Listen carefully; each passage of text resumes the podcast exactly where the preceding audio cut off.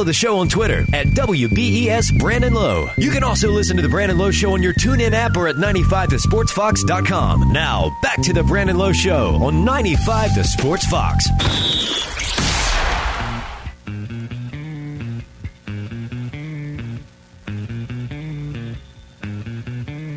All right, great show so far. It is Thursday. We're close to the weekend, which is good. I got over my sickness, lucky for me. And it's good to be back. We got to get to our guest. Uh, he is the host of Overtime Betting podcast on iTunes, top 100 over there. Co-host and uh, producer of That's Gold on XM, and uh, we talk college hoops with him every Thursday. He is Greg Peterson, straight out of Vegas. Happy Valentine's Day, to you, my friend. Happy Valentine's Day to you. How are you? I'm doing good, man. I know we were talking before you went on the air. You're going to go on a nice little date on the Strip. That's going to be nice, man. A nice little date on the on the Vegas Strip. That is going to be a lot of fun. Looking forward to it, and a nice, well-deserved little reprieve as we get ready for March. That's right, uh, certainly. All right, uh, I want to open up talking about West Virginia because the news of dismissals of Esa Ahmad and Wesley Harris, violation of policies. Uh, as expected in the media, we got a press release from their communications department. It was one sentence, and it exactly was that violation of policies. No other details. Uh, what was your initial uh, thoughts on these dismissals? It's not really surprising just because it does feel like there's been a lot of turmoil within the West Virginia program. Obviously, losing Ahmad and Wesley, that's just absolutely huge. West Virginia, this season has not been going well for them. This is just another uh, black mark on them. But with that said, what it will do is it'll allow some of these younger players, the freshmen, the sophomores, because as we know, very young backcourt for West Virginia. It will give them a chance to be a little bit more of an integral part of the offense and give them a chance to get some experience moving forward. Certainly. And of course, depth has been an issue, and this is going to help. You know, Beetle Bolden's been battling a lot of injuries. He's their most consistent shooter, uh, and their leader, Sagaba Konate, is still injured. We don't know when, if he'll either uh, be back. I doubt he will. Uh, and now you got your two upperclassmen that are no longer with the team. So, yes, we do get some experience with the young guys, but uh, now depth is really an issue. It certainly is. And West Virginia, as we know, with the way that they like to play. They draw a lot of fouls. They get a little bit tired out. And West, when West Virginia's been successful, Bob Huggins has been able to go nine or ten deep. Now that's really going to be tested with West Virginia kicking two players off the team. So this is not good for a team that plays a style in which depth is of utmost importance. We're talking with Greg Peterson, all things college hoops. We do this on Thursdays, and uh, you know, we're talking about this uh, this Mountaineer uh, basketball issue. It's a soap opera. Let me. I, I know you probably saw my tweet, but I was going to actually uh, tag you in that tweet because you're in Vegas. There was rumors that because of this whole betting scene that starts to open up in some of these states, uh, primarily here in West Virginia, there was rumors that they got caught up in point shaving, and I scratched my head at that. I'm not a better. I don't really know a lot about what goes on in the inside, but when you're losing games by 15 or 20 points, I have a hard time believing you have players shaving points. Do you agree with that? Oh, I totally agree with that. I mean, if West Virginia was point shaving, they'd be closer on a lot of these spreads. I mean, that's just the plain and honest truth here. And so many people think, oh, there's shadiness going on with fouls and everything like that. Let me put it to you this way. If you're a conspiracy theorist, I don't know what to tell you, just because so many of these games, they're not fixed. Let's be honest here. So there's a very, very finite amount of fixing that happens. And the fixing that does happen, typically, you know, faucet, the Vegas bookmakers themselves, because they don't want to be driven down by shady business because they typically get hammered and they lose money themselves. So that's why I cannot believe that there's any point shaving going on here. I don't think that Bob Huggins would allow it, and if he would find out about it, believe me, heads would be spinning.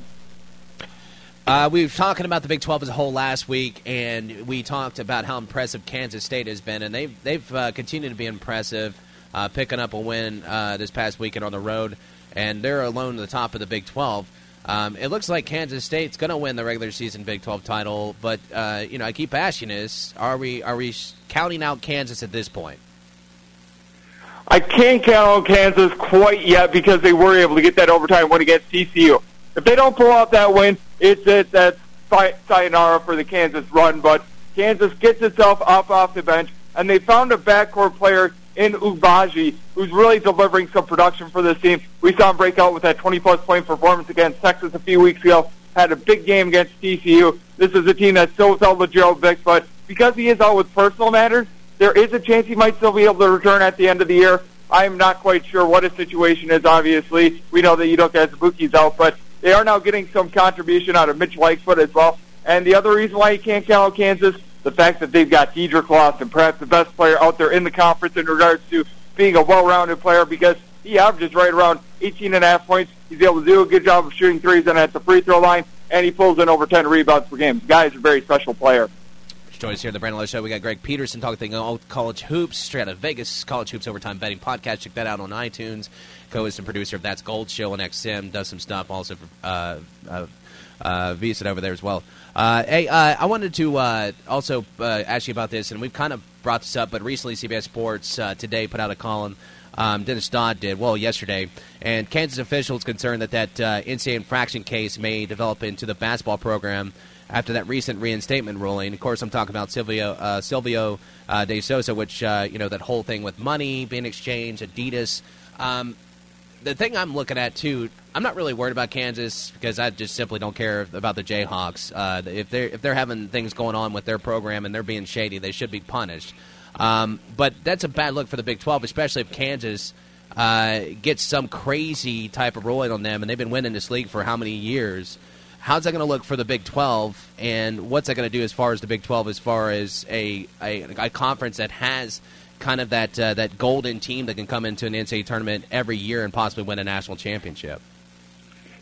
Yeah, it is a little bit unfortunate, and just the reality of college basketball in general. Just because a lot of these blue blood programs, they are able to get away with all this stuff. We all recall the North Carolina bogus class situation, and what did they get?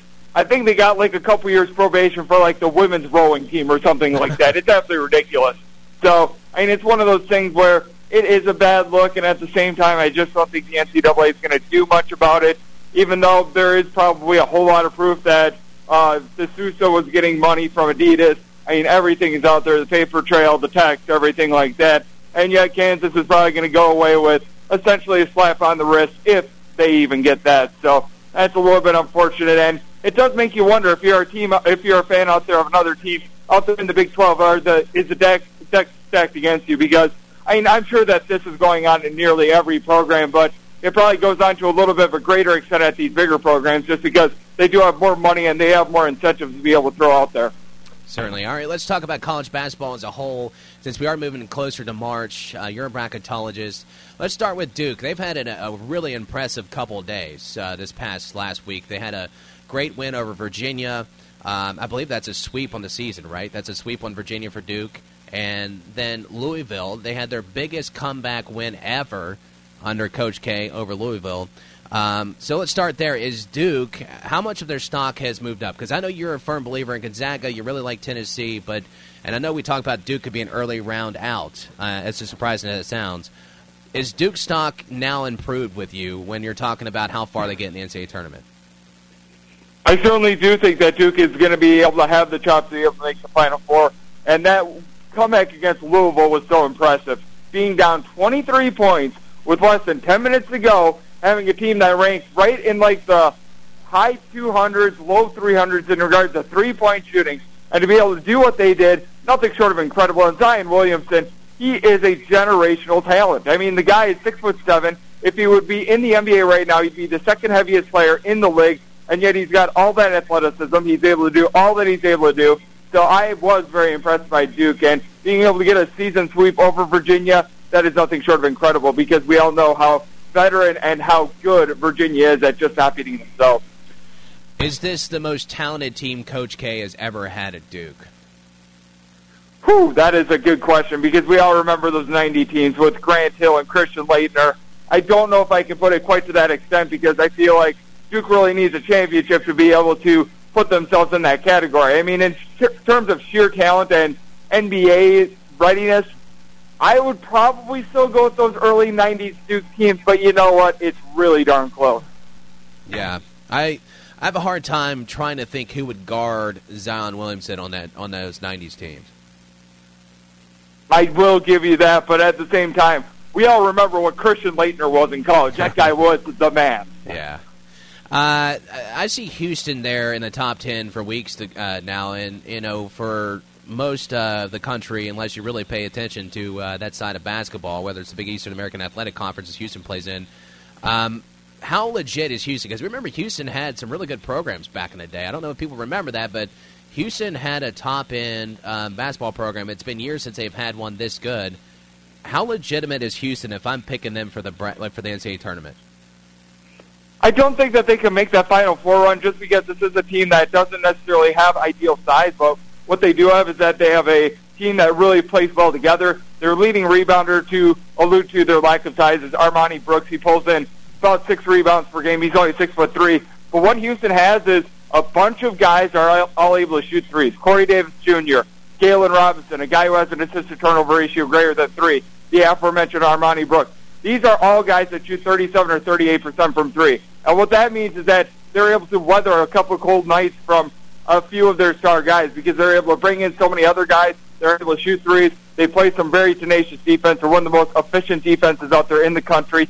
So I do think that this is a team that can make a run to the second week of the tournament. I don't think that they can make a Final Four run, but I do think that this is a team that could be a force to be able to make a Sweet 16 Elite Eight. Hey, Greg, appreciate you. That is Greg Peterson, and we have him on on Thursday. Strata Vegas Coast, producer of That's Gold Show, as well as College Hoops Overtime Betting Edition podcast. Check that out on iTunes. Does some stuff for XM Radio. Greg, always a pleasure, my friend. Always glad to join you, Brandon. Thank you.